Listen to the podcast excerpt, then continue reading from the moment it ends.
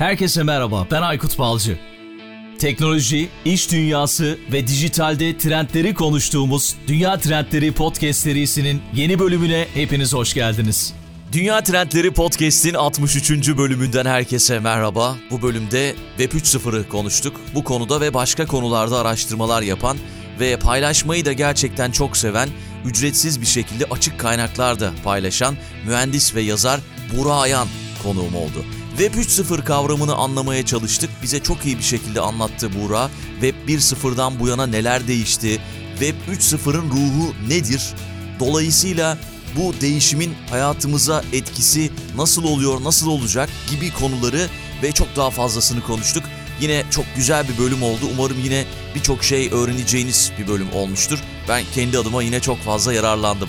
Her zaman olduğu gibi bölümle ilgili eleştirileriniz ve başka sorularınız için sosyal medya hesaplarımızdan, Twitter'dan, Instagram'dan, LinkedIn'den yazabilirsiniz. Ya da aykut.dünyatrendleri.com üzerinden bir mail atabilirsiniz. Aynı zamanda yorumlara çok önem veriyoruz. Bizim üst sıralarda görünmemiz için de çok çok önemli. Ekşi Sözlük ve Apple Podcast gibi platformlardan da yorumlarınızla katkıda bulunursanız daha fazla kişiye ulaşma şansını yakalayabiliriz. Oradan da yorumlarınızı bekliyorum.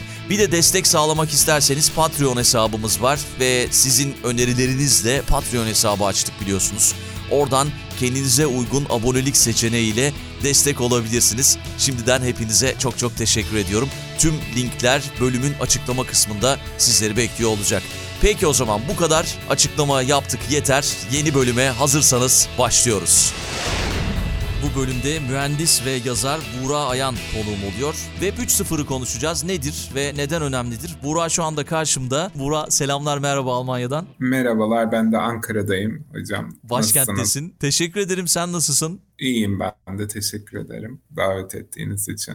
Rica ediyorum çok e, sosyal medya üzerinden LinkedIn üzerinden çok değerli paylaşımlar yapıyorsun. Çok değerli çalışmalar yapıyorsun. Son dönemde de dikkat çekmemizi istediğin bir konu olduğun için de Web 3.0'ı konuşalım istedik. Bu konuda konuşacağız. Öncesinde biraz seni tanımak isteriz. Biraz belki kendinden bahsedersin sonra da konuya gireriz. Tabii. Şimdi biraz da programın konsepti de orijinal olduğu için biraz daha farklı bir bakış açısıyla kendimi anlatmaya çalışayım. Aslında ben interneti anlamaya ve anlatmaya çalışan bir internet kullanıcısıyım. Diğer kullanıcılardan farklı olarak biraz daha bu konuya kafayı takmış durumdayım. Ee, onun dışında yaptığım işte o kitap çalışmaları, eğitim ağları, STK faaliyetleri falan da bu paralelde gelişen şeyler. Yani interneti anlamaya ve anlatmaya çalışan bir mühendis olarak. Burada bir avantajım bir de dezavantajım var aslında. Erzurum'da doğup büyüdüğüm için, Trabzon'da okuduğum için biraz daha Anadolu'da bilgiye erişim zor olduğu için hani bilgiye zor erişmenin ne demek olduğunu biliyorum. Daha rahat empati kurabiliyorum o anlamda internet kullanıcılarıyla. Bu benim avantajım. E, dezavantajım da işte fen lisesi, üstüne elektrik elektronik mühendisliği, yüksek lisansla bilişim sistemleri, doktora da şimdi yine bilişim sistemleri okuyunca biraz sayısal bir kafa oluyor ve olayların internete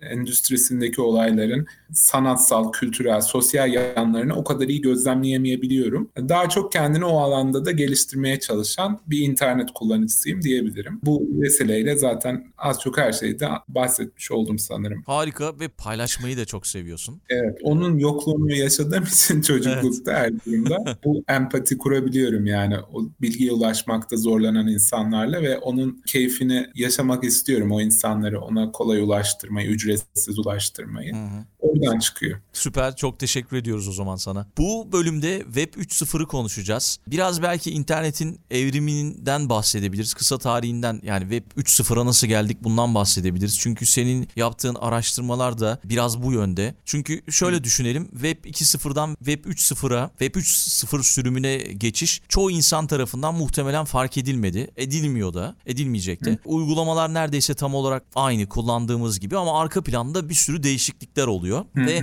biraz bu evrimden bize bahsedebilirsin. Web 1.0, 2.0, 3.0 yani bu, bu gelişim nasıl oldu? Ya şöyle söyleyeyim internet çalışmaya beni motive eden şey 13 yaşında yani ilk internet sistemi kurduğumdaki motive eden şey şuydu. Ben lisede okurken 13-14 yaşında lisede okurken lisenin dışında insanlarla iletişim kurabileceğim yeni bir dünya, yeni bir mekan olduğu için heyecanlandırmıştı. Aslında o Web 2.0'ın kurulma aşamaları. hı hı. oluyordu. E, şu anda da aynı şey heyecanlandırıyor. O, o yüzden Web 3 konuşalım dedim. Tabii her şeyin yanına 2.0 3.0 koymak birazcık artık insanlarda bıkkınlık yaratan bir şey. Bunun için bazen de Web 3 diyorlar ama burada biraz kıymetli. Yani internetin gelişimini aslında burayı bir mekan olarak düşünürsek insanlığın dünyadaki tarihsel serüveninden çok farklı göremiyoruz. Yani nasıldı insan ilk başta göçebe hayat, herkes bir yerlerde bir şeyler yapmaya başladı. Merkezsiz ve birbirinden habersiz. Daha sonra birbirleriyle ticaret yapmaya başladılar, birbirlerine aşık olmaya başladılar vesaire. Ondan sonra yollar kurulmaya başlandı. E, bu birinci evresi internet ve Web 1.0 diyebiliriz. İkinci evrede işte krallar, sultanlar çıktı dedi ki sizin bu sisteminizi daha güvenli hale getiririm ama işte benim sınırlarım içerisinde kalın ve daha feodalite oluştu. O da aslında Web 2.0 yani şu anki işte Zuckerberg aslında Web 2.0'ın dijital bir kralı veya diğerleri aslında ve bu krallıklar kurulurken de dediler ki biz gelirlerimizin %99'unu kendimize alırız ve size çok fazla bir gelir vermeyiz. Web 2.0'ın dezavantajı buydu. Buradan Web 3'e doğru giderken aslında yapılan şey bu dijital krallıkların o Facebook'lar, Twitter'lar vesaire bunlar yerine daha merkezsiz ve gelirlerin daha adaletli dağıtıldığı, daha şeffaf olduğu yeni bir internet ekosistemi üretmek, yaratmak. Bu bugün mü konuşuluyor? Hayır. Yani 90'ların başından beri belki 90'larda daha sert konuşuluyordu. Çünkü internet yeni bir mekan, cyberspace kavramı ortaya çıkınca manifestolar vesaire yayınlanıyordu. Ama filozofun parası olmayınca çok ciddiye alınmıyor. Yani filozofun bugün Bitcoin olduğu için bu kadar ciddiye alınmaya başladı o filozoflar. Hı hı. Çünkü bu blok zincir şirketleri veya vakıfları artık artık bunları fonlamaya başladı. Yani kendileri gibi düşünen blok zincir savunucularını ve bu ekosistemin kurucularını bu hibe programlarıyla ki çok yüksek hibeler, hibe programlarıyla fonlamaya başladı. Bu sefer de Web 3'e doğru bir geçiş başladı. Aslında 90'lardan beri bizim gördüğümüz flu bir resimde ama gün geçtikçe netleşiyor diyebilirim. Hı hı. Peki mesela yani 90 99'dan itibaren diyebiliriz yani özellikle 2001'de Google'ın ortaya çıkmasıyla çok kısa sürede müthiş gelirler elde etmesiyle internet bambaşka bir hal aldı. Sonra işte 2.0'da senin de söylediğin gibi içerik önemli oldu. İşte pazarlar çıktı karşımıza. Açık kaynak yazılımlar çıktı. Paylaşım ekonomisi diye bir şey çıktı. İşte Uber gibi, Airbnb gibi. Çok yani gerçekten alışık olmadığımız şeyler çıktı. Şimdi de Web 3.0 modeli, işletme modeli diyelim. Web 3.0 nedir yani sen bunu nasıl tanımlıyorsun? Yani öncelikle dediğim gibi dijital bir demokrasi diyebiliriz. Web 2'yi feodaliteye benzetirsek ve burada Web 3'te kendi burjuvasını, kendi zengin takımını ortaya çıkaracak ama daha adaletli, daha şeffaf yeni bir internet diyebiliriz. Bunu 90'larda Tim Berners-Lee işte makinaların birbiriyle iletişim kurduğu bir ağ, anlamsal ağ olarak tanımlıyordu. Ama şimdi fotoğraf yakınlaştıkça dediğim gibi blok zincir üzerine kurulan daha dağıtık bir dünya. Tabii bunu ancak örneklerle somutlaştırabiliriz. Hmm. Mesela diyelim ki hocam bu programın dinleyicileri bunu ücretsiz elde ediyor. Ben konuk da bir ücret almıyor. Siz de bir ücret almıyorsunuz. Aynen. Ama diyelim herkes bir ücret alacaktı. Bu sistem nasıl olacaktı? İşte siz konuğa diyecektiniz ki işte programdan sonra ücretiniz IBAN'ınıza gönderilecek. İşte dinleyiciler buna bir para yatıracaktı ve bunun karşılığında işte olup almayı bekleyecekti hizmeti. Hizmet aksarsa bir para iadesi olacak mıydı? Oralar karışık. Yani çok yavaş ve güvene dayalı bir sistem var. Yani oradaki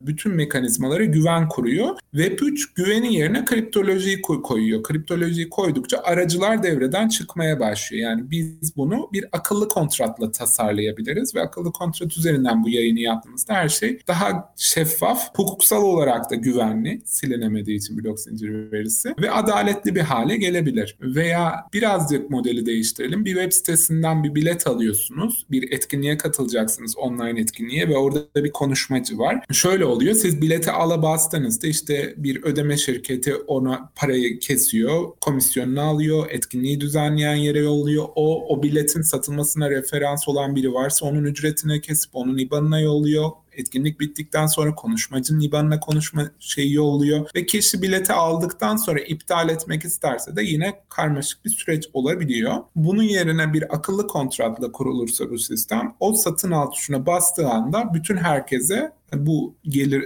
oradaki paranın dağıtımı rahat rahatlıkla yapılabilir. Gibi gibi yani alın bunu diyetisyenliğe yorun, işte bir psikoloğun danışanlarıyla olan ilişkisine yorun. Her yere yani içerisinde güven ve adalet daha adaletli bir e, gelir modeli olabilecek her yere biz bunu koyabiliriz. Yani benzer şey ekşi sözlüğü düşünebiliriz. Yani orada entelektüel bir içerik üretiliyor ama işte onun geliri yazara gitmiyor. İşte burada Brave tarzı tarayıcılar biraz bunu yapmaya çalışıyor. Yani Twitter'da bir tweetin yanında bahşiş butonu çıkıyor. Eğer o tweet sizin hayata bakış açınızı tamamen değiştirdiyse bir anda onu yazan kişiye bir para ödemek isteyebilirsiniz. Onu Twitter'a ödemek istemeyebilirsiniz. Bu tarz aslında şu anda bunu nasıl internete entegre edebiliriz diye çalışmalar var. İşte Brave dedim. İsveç'te bir sosyal Diseo var. Daha yeni yatırımcı turuna çıkıyor. O var.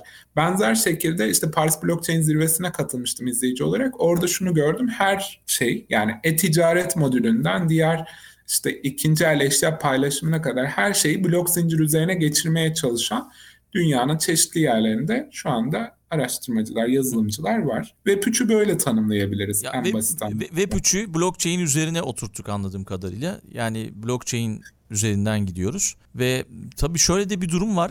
Web 3.0 için zaman zaman görüyorum böyle işte bloglarda falan yazıyorlar. Bu bir devrimdir diyorlar ama bunu sence her dönem mi söylüyorlar? Yani Web 2.0 için de belki bir devrimdir dendi. Yani Web 2.0 da devrim bence. Bu da devrim. Çünkü e, yani basit olarak baktığınızda çok çok basit bakalım. Web 1.0'da siz makineye bakıyorsunuz. Web 2.0'da makineye bir şeyler yazmaya başlıyorsunuz.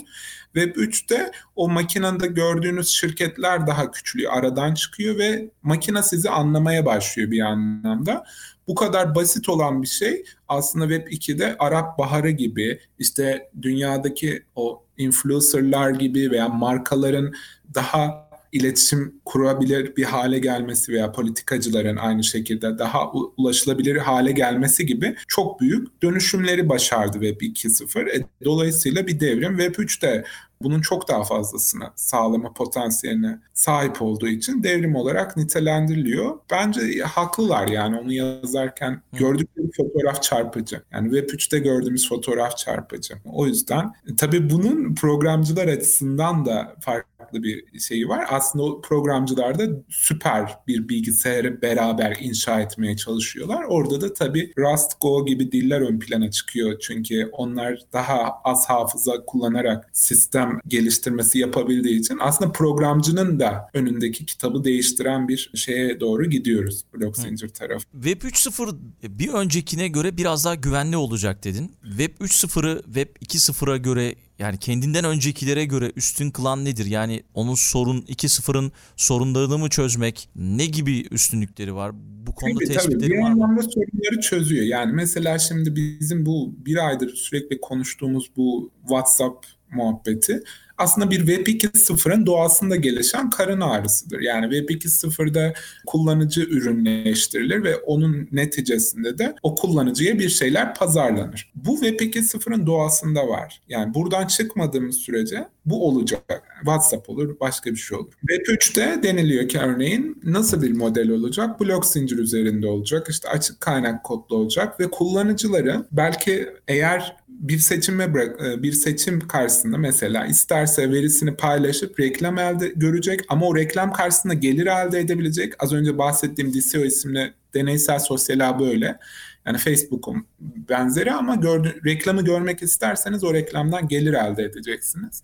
Eğer reklamı görmek istemezseniz de ona göre bir model geliştirecek. Belki çok mikro bir ödeme yapacaksınız.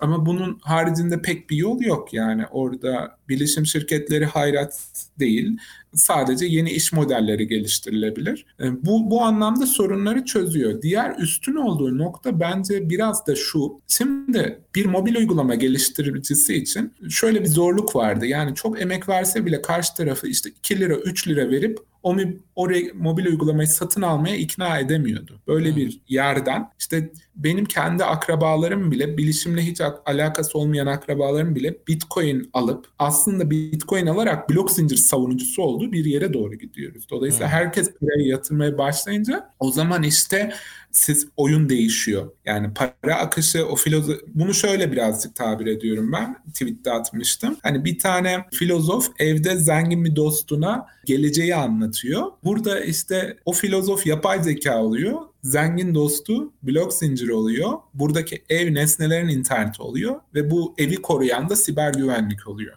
Yani hmm. biraz daha kafamızda netleşmesi için. E, bu denklem değişiyor. Çünkü yapay zeka projelerini bile finanse edecek şey ya bizim gidip belki parası olan ama bilişimden hiç anlamayan birini ikna etmemiz olacaktı gibi yapay zeka projesini ikna etmek için bilişimciler olarak ya da blok zincir şirketlerini, vakıflarını ve oradaki veya kitlesel fonlamayı arkamıza almak olacak. İkincisi çok daha uygulanabilir. O zaman işte bizim yapay zeka projelerimiz çok daha rahat hayata geçebilir. Diğer projelerimizde. Bu o anlamda Web3'ün üstünlüğü. İkna edeceğimiz kişiler değişiyor. Değiş daha vizyoner insanlar olduğu için de işler hızlı yürüyor. Hızlı yürüyünce de her sizin hayatınızdaki bütün teknolojiye dokunduğunuz noktaları değiştirebiliyor yani bilişimciler aslında.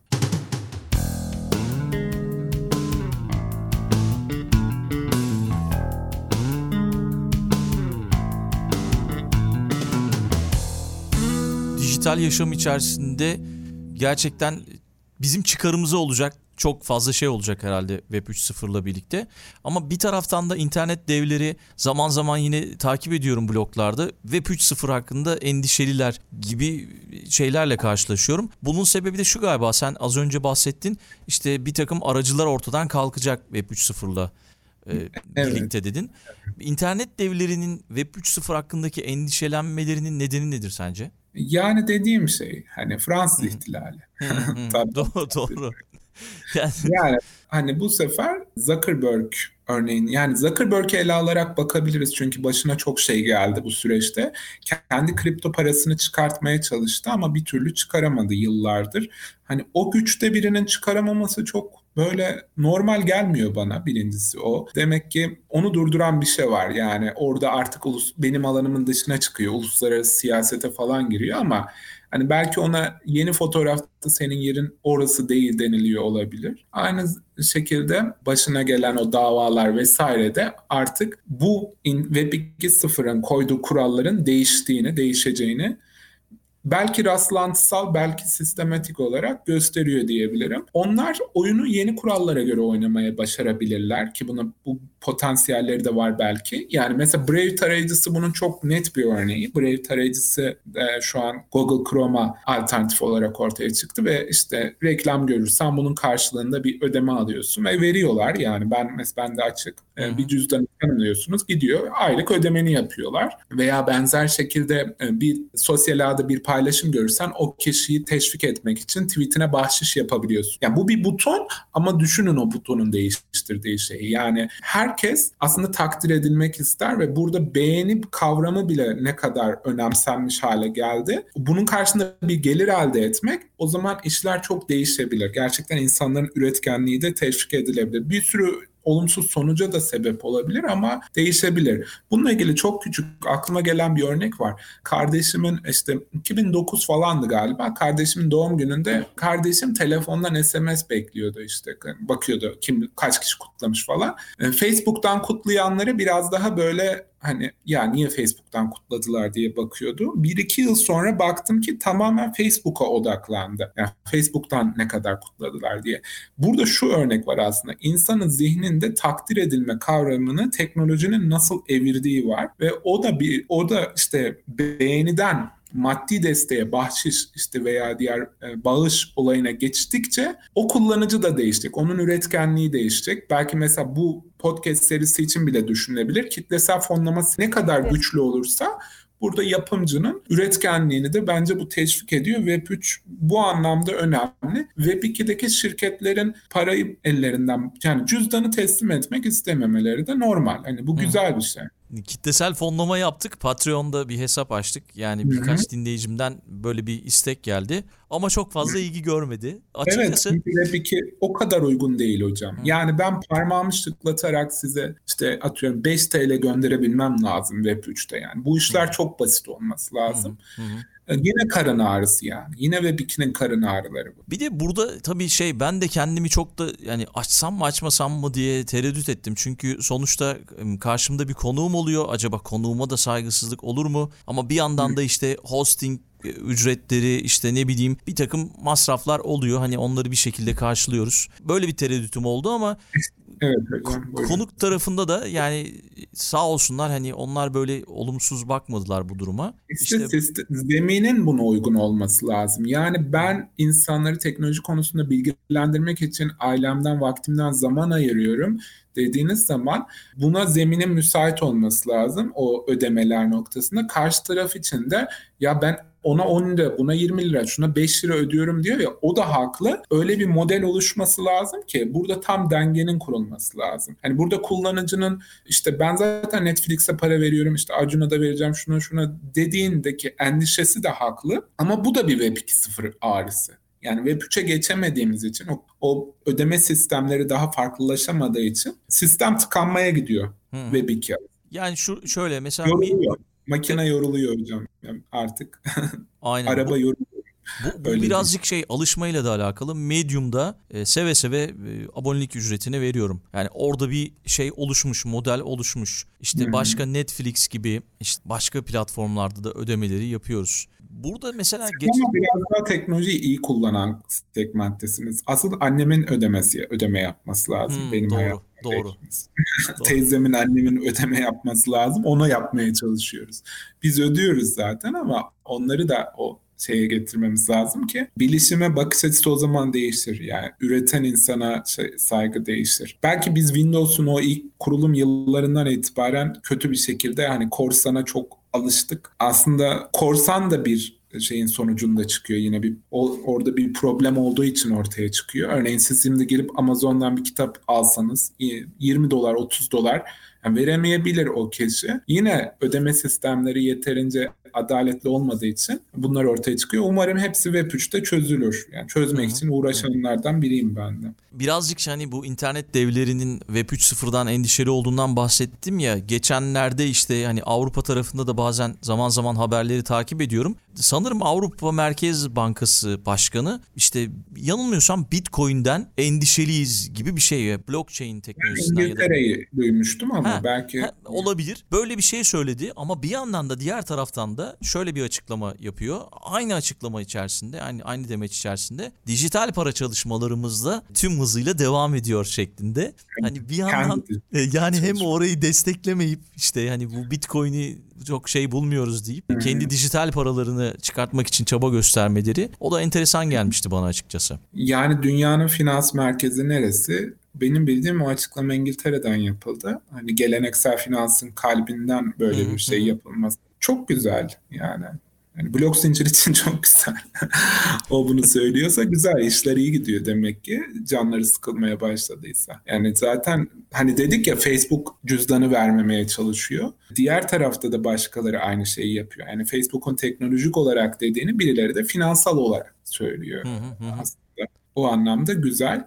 E, tabii bu e, kripto paraların arkasında belli ülkelerin konumlanması, bunların işte o madencileri Power of, e, Proof of Work modelindekilerin madencilerinin işte Çin'de olması genelde farklı uluslararası ilişkiler konusu. Hani ayrıca belki uluslararası ilişkiler uzmanının da katılımıyla değerlendirilebilir ama bizim biraz daha blockchain tarafında gördüğümüz fotoğrafta yeni bir denklem kuruluyor dünyada. Bunu okumak çok zor değil. Dolayısıyla işte o finansın merkezinden de bu, buna belli açıklamalar yet getirilmesi anlamda. Yani öyle söyleyeyim. Hani dediklerine katılmıyorum ben Bitcoin noktasında ama anlamlı buluyorum sadece. Rusya'nın da sanırım bu konuda şey olmuş. Yani bu, evet kripto para şirketlerinin vakıflarının kurulduğu noktalar bunları incelediğiniz zaman da e, az çok bir fotoğraf ortaya çıkıyor yani mesela. Hı. İsviçre'de kurulanlar var. işte farklı Cayman Adaları'nda kurulanlar var. Bu vakıflar, şirketler. Ama dediğim gibi hani bu kendi zengin sınıfını ortaya çıkaracak. Evet ama kitlesel fonlama mekanizmalarının yaygınlaşması ve bu toplanan kripto bu kripto para piyasasındaki paranın önemli bir kısmının hibe programlarıyla geliştiricilere ve onların Web 3'ü inşa etmelerine ayrılması çok kıymetli. Yani orada işte daha demokratik bir düzene geçiliyor ve inşa edilen projelerde de yine kullanıcının daha adaletli ve şeffaf bir e, internete sahip olması. Örneğin işte bir süt aldığınız zaman Belki bundan 5 yıl önce çocuğunuza süt içirdiğiniz zaman bu süt hangi inekten sağladı, nasıl aşamalarla benim masama geldi bunu düşünmeyebilirdiniz. Ama yarın merak edebilirsiniz. İşte orada da Migros e, şimdi bir çalışma yaptı mesela. Aynen. Yani gıdayı şeffaflaştırma, beslenmeyi şeffaflaştırma. E, bu da aslında güzel bir yere doğru gittiğini gösteriyor bence. Peki biraz şeyden bahsedebiliriz. Web 3.0 ve yeni iş modellerinden bahsedebiliriz. Ne gibi yeni iş modelleri karşımızda olabilir? Çünkü Web 2.0'da böyle alışık olmadığımız, gerçi hani annelerimizin, işte anneannelerimizin henüz kullanmadığı iş modelleri karşımıza çıkmış durumda ama Web 3.0'da neler görebiliriz? Az önce bir e, örnek vermiştim ya hocam. Filozof evde zengin dostuna anlatıyor geleceği. Ha, ha. Bu fotoğrafta düşünebiliriz. Orada mesela örneğin filozof olmak istiyorsanız bu Web 3 ile yapay zekayı birleştirebilirsiniz. Yani o veriyi blok zincir üzerindeki modellerle nasıl anlamlandırabilirim dediğiniz zaman belki filozofun rolüne giriyorsunuz. Onun dışında bu kripto para piyasası apayrı bir uzmanlık alanı. Yani işte o, o alanda da birçok alt meslek ortaya çıkıyor. Yani kripto e, para borsa yöneticisinden tutun o bununla ilgili botlar yazılıyor, arbitraj botları yazılıyor veya bununla ilgili hukuk danışmanlığı oluyor gibi apayrı bir alan. Blok zincir tarafında geçen bakmıştım. Mesela akıllı kontrat geliştiricisi var. Blockchain Core Developer diye bir ünvan var. Blockchain Backend Developer var. Ee, blockchain Software Developer var. Yani o DEP dediğimiz dağıtık uygulamayı ön, ön planını inşa eden kişiden arka planını inşa eden kişiye orada kullanılacak kripto para çeşidini seçecek kripto para uzmanına kadar birçok alan oluşuyor. Ama daha az teknik bakarsak şöyle düşünelim. İçerisinde güven ve adalet olan her alana blok zincir girebilir. Yani bu nüfus kayıt sistemlerinin tutulmasından tutun. Notere kadar. Notere, referandumlara vesaire her yere kadar bu girebilir. Çok uç noktalara da girebilir hocam. Yani biz mesela yapay zeka konuşurken daha soyut olduğu için işte ilahiyat fakültesindeki şey yapay zeka ile birleşebilir mi diye düşünüyorduk mesela uç bir örnek olduğu için. Ben yüksek lisans tezinde mesela İslamofobinin yapay zeka ile tespitini çalıştım. Bir nefret hmm. söyleminin. Dolayısıyla nefret söylemi de blok zincire girebilir. Bir nefret söylemi yazıldıktan sonra atıyorum internette silindiği zaman ne oluyor? Kayboluyor belki ama bir onun yarattığı etkiler kaybolmayabiliyor. Dolayısıyla biz onu blok zincir üzerine yazarsak bu nefret söylemini azaltmada da bile etkili olabilir. Tacizler vesaire buna eklenebilir. Dolayısıyla her alana girebilir. Giremeyeceği çok bir alan benim aklıma gelmiyor şahsen. Hı hı. Telif hakları olabilir. Şu an aklıma geldi tabii, mesela. Tabii tabii telif hakları tabii. Hı hı. Telif haklarında da hani o dosyanın o kriptolojik nasıl tabir edelim? Kriptolojik hash'i saklanarak takip edilebilir. Ama dediğim gibi hocam yani şu anda işte mesela bir sürü insan girip korsan film izliyor ya o, o korsan film sitelerinde kumar reklamı görüyor veya cinsel içerikli reklam görüyor. Burada bir kaos var aslında. Bu kaosun sebebi de tek bir tarafta değil. Aslında Web 2.0'ın eksikliklerinden dolayı. Ve 3'e geçince bunlara birçok noktada çözüm olabilir. Yani telif haklarında da aynı sorun var. Yani orada daha karşılıklı anlayışa dayalı modeller ve 3'te geliştirilebilir. Herkesin mutlu olacağı modeller geliştirilebilir. Bir de ülkelerin koyduğu yasalarla da alakalı herhalde. Burada mesela Almanya'da bakıyorum diyelim ki işte bir şey platformdan bir şey izlemek istiyorsunuz. Ee, hı hı. Eğer telefondan izleyecekseniz ayrı para veriyorsunuz. Bilgisayardan izleyecekseniz ayrı para. Yok ben televizyondan hı. izleyeceğim diyorsanız ayrı para veriyorsunuz. Hı hı. Onu çok güzel ayırmışlar. Hani makul fiyatlar hepsi için ama hı hı. güzel bir şey oluşturmuşlar.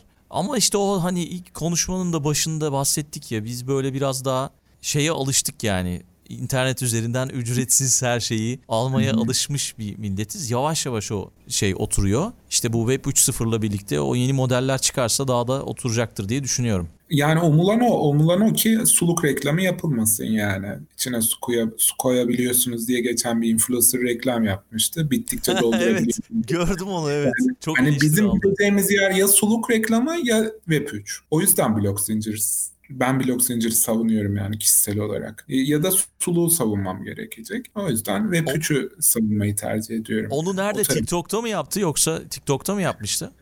Ya ben haberlerde gördüm de e, herhalde Instagram Instagram'da olmuş. Hani o tek o değil. O, o sistemin ürettiği bir şey. Onun gibi birçok şey üretiyor Web2. Onu Web3'te inşallah veya şey de çok kötüdür. Yıllardır mesela hocam sizin de belki vardır. Üretmek isteyen insanlar internette bloglar açar, YouTube'da kanal açar, 3 3 tane eğitim videosu çeker bırakır blog kaybolur sonra web arşivden falan bakılabilir. Ya o insanların motivasyonunu engelleyen onları durduran şey de bence yeterince takdir edilmemesi. Hani bunun içerisine ekonomik ödemeyi de koyabilirsiniz başka bir şey de koyabilirsiniz ama bence bu çok kötü bir şey. Yani o üretmek isteyen insanların üretimini durması ama horoz taklidi yapan insanın sistemde daha iyi bir yere gelebilmesi kötü bir şey. Web 2'nin ürettiği aslında çöplük. Web 3'te bunu değiştirmemiz lazım. Gerçekten işte o üreten insanları, entelektüel anlamda da üreten, teknolojik anlamda da üreten insanların daha hızlı takdir edilip üretkenliklerinin artırıldığı bir yeni internet. Yani belki bir yeni internet mümkün diyerek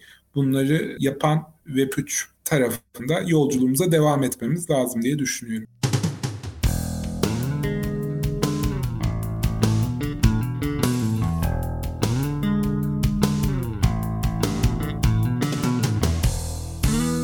Şey e, Türkiye açısından hani biraz da şimdi girdik o konuya ama biz Web 3.0 noktasını kaçırıyor muyuz biraz?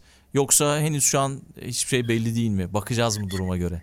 Yani şöyle, birincisi kripto para tarafı var. Kripto para tarafında Türkiye'de zaten müthiş bir ilgi var. Yani bu uluslararası gruplarında falan da her yerde Türkler var. Onun dışında bence şurayı kaçırmamamız gereken noktalardan biri şu. Birçok Türk bu blockchain'de yurt dışında da çok güzel işler yapıyor. Bu insanlarla Türkiye'deki bu topluluğun bağlantılarını kurmamız, etkinliklerde ağırlamamız ve onların üretkenliklerini motive et, desteklememiz, onların o üretkenliklerini de Anadolu'ya aktarmamız lazım. Bununla ilgili işte İTÜ Blockchain Kulübü ve Trabzon Blockchain Kulübü ile etkinlikler yapmaya başladık. O önemli. Onun hmm. dışında bu büyük göç daha yaşanmadı. Yani bugün işte Reach diye bir programlama dili var blockchain temelli. Sitesine girdiğinizde şey der yani biz geleneksel programcıların blockchain'e göç etmesi etmesine çalışıyoruz. Daha o göç yaşanmadı. O açıdan şanslıyız. Büyük göç yaşanmadı. Ve mesela o Reach programlama dilinin CEO'suyla konuşup Türkiye için özel bir kanal açmasını istediğimde kanalına kanalı toplamda 150 kişiydi. 300'e yakın Türk geldi kanala ve 450 kişi oldu. Bunu görünce Süper. o dili geliştirenler hemen videolarını Türkçe'ye çevirmeye başladı. Türkiye'de bir etkinliğe konuk oldular ve Türkçe dil desteğine ikinci sıraya aldılar İngilizceden sonra. Yani bizim topluluk olarak biraz da yapmamız gereken bu. Yani orada işte Chris diye bir adam var. Bu yeni paradigmayı okuyup burada konumlanan biri hemen onu Türk bir kazanmamız lazım yani Türkiye'deki komünite olarak. Bunları yaptıkça işler daha iyi gidiyor. Dediğim gibi büyük göç yaşanmadığı için henüz bir şeylere geç değil. Yani güzel gelişmeler var görüyorsunuzdur zaten hani TÜBİTAK tarafında Aynen. veya Vakıflar tarafında dijital dönüşüm ofisi vesaire herkes blockchain'i bir yerden zaten e, yakalamaya çalışıyor ama benim e, düşüncem ki zaten bunun için bir hamle yapacağım. E, bu blockchain'in arka planında kullanılan o sistem programlamada kullanılacak Rust ve Go dilleri başta olmak üzere akıllı kontrat geliştirilen dillerde Türkiye'de ücretsiz kitap ve ücretsiz kursları hayata geçirebilirsek ki burada belki işte onun zaten destekliyor bu blok zincir şirketleri de yani onun teknolojisini anlatan kitapları destekliyorlar. Eskiden böyle bir lüksümüz yoktu Web2'de. Bunları ücretsiz olarak Türkiye'deki işte teknolojiyle ilgilenen yazılımcılara ulaştırabilirsek o büyük göç yaşandığında e, kervanların en büyüğü bizim ülkemizden olur. Türkiye'den olur. Yani yapabileceğimiz şey bu. Güzel. Ben, mesela ben çocuklar için Rust kitabı e, yayınlayacağım ücretsiz olarak. Hani bunu basacağım da. Hani sponsorunu da buldum. Basıp dağıtacağım. O gelecek resmini okumak için bu çok önemli. Python için de yapmıştım. Erzurum'da bir 10 bin tane Python kitabı dağıtmıştım. Er Erzurum Milli Eğitim Müdürlüğü'yle hı hı. E, ücretsiz olarak yazıp. Burada da Rust için veya Go için benzer şeyler yaparsak o göçte işte dediğim gibi büyük bir kervanımız olabilir. Ben zaman zaman seni takip ediyorum internet üzerinden.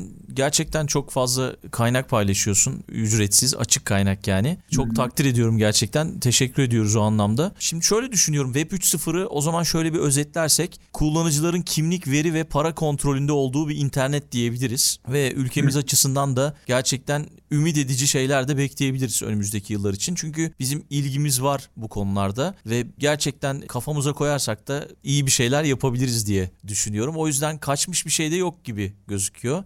E, işte blockchain tarafında e, diğer e, uygulamalarda güzel gidiyoruz diye düşünüyorum. Hani birçok isimden bahsettik, birini bahsetmedik. Onu bahsetmeden olmaz. Gavin Wood ismi, Doktor Gavin Wood ismi de çok önemli. Bence Web3'ü en iyi anlayanlardan biri. Onun da bir dansını izlemek lazım önümüzdeki yıllarda. Şu an Polkadot Kusama projelerini yönetiyor ve Kusama şey, Parity şirketini. Onun da ismini geçirmiş olalım. Zaten Web 3.0 hakkında araştırma yaparken seninle konuşacağımız için nerede araştırma yapsam o isim karşıma çıktı açıkçası.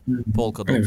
Peki çok güzel gitti gerçekten. Sona doğru geldik. Son sözleri alabilir, kapatabiliriz eğer hani ekleyeceğimiz bir şey yoksa. Yani birçok şeyi konuştuk diye düşünüyorum. Tabii spontane olduğu için hani e, sürçülisan eylediysek affola. Umarım ilerleyen günlerde Türkiye'de bu blockchain tarafında güzel gelişmeler olur. Özellikle bu göçü görür yazılımcılar ve ona dahil olmaya çalışır. E, ben de kendi ağlarımda olabildiğince bunu hızlandırmaya çalışacağım zaten. Bir de son olarak kitap önerisi alabiliriz. Senin yazdığın kitabı da önerebiliriz. Yani birçok kitap yazdın. Ee, en son artırılmış gerçeklikle ilgili bir kitap yazdın sanırım. Evet, bir iki ay önce artırılmış gerçeklik çıktı. Geçen ayda mühendislikte yapay zeka uygulamalarında ortak yazar olarak yer aldım. Bu ayda nasipse işte bir blok zincir, Algorand blok zincir sistemi üzerine bir kitap çıkacak. Ama şöyle hani ben kendi kitaplarımdan sosyal ağlar tarihini bugün okumak biraz daha anlamlı olabilir. Çünkü sosyal ağlar tarihi Web 2.0'ın kuruluşunu anlatıyordu. Yani dünyada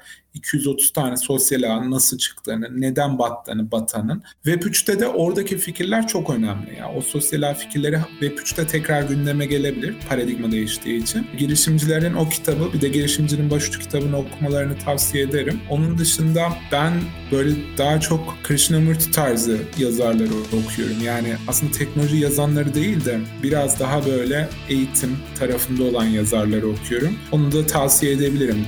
Dünya bunalımındaki kitabı var Krishnamurti'nin mesela tavsiye edebilirim. Kitap tavsiyesi olarak. Hepsini ekleyelim Dünya Trendleri Kütüphanesi'ne. Linkleri koyuyorum zaten podcast'ın açıklama kısmına. Burak çok teşekkür ederim zaman ayırdığın için. Güzel bir bölüm oldu. Yine çok şey öğrendik. Çok sağ ol. Seni takip etmeye devam edeceğiz. Sağ olun. Ben de davetiniz için teşekkür ederim. Herkese selamlar, saygılar.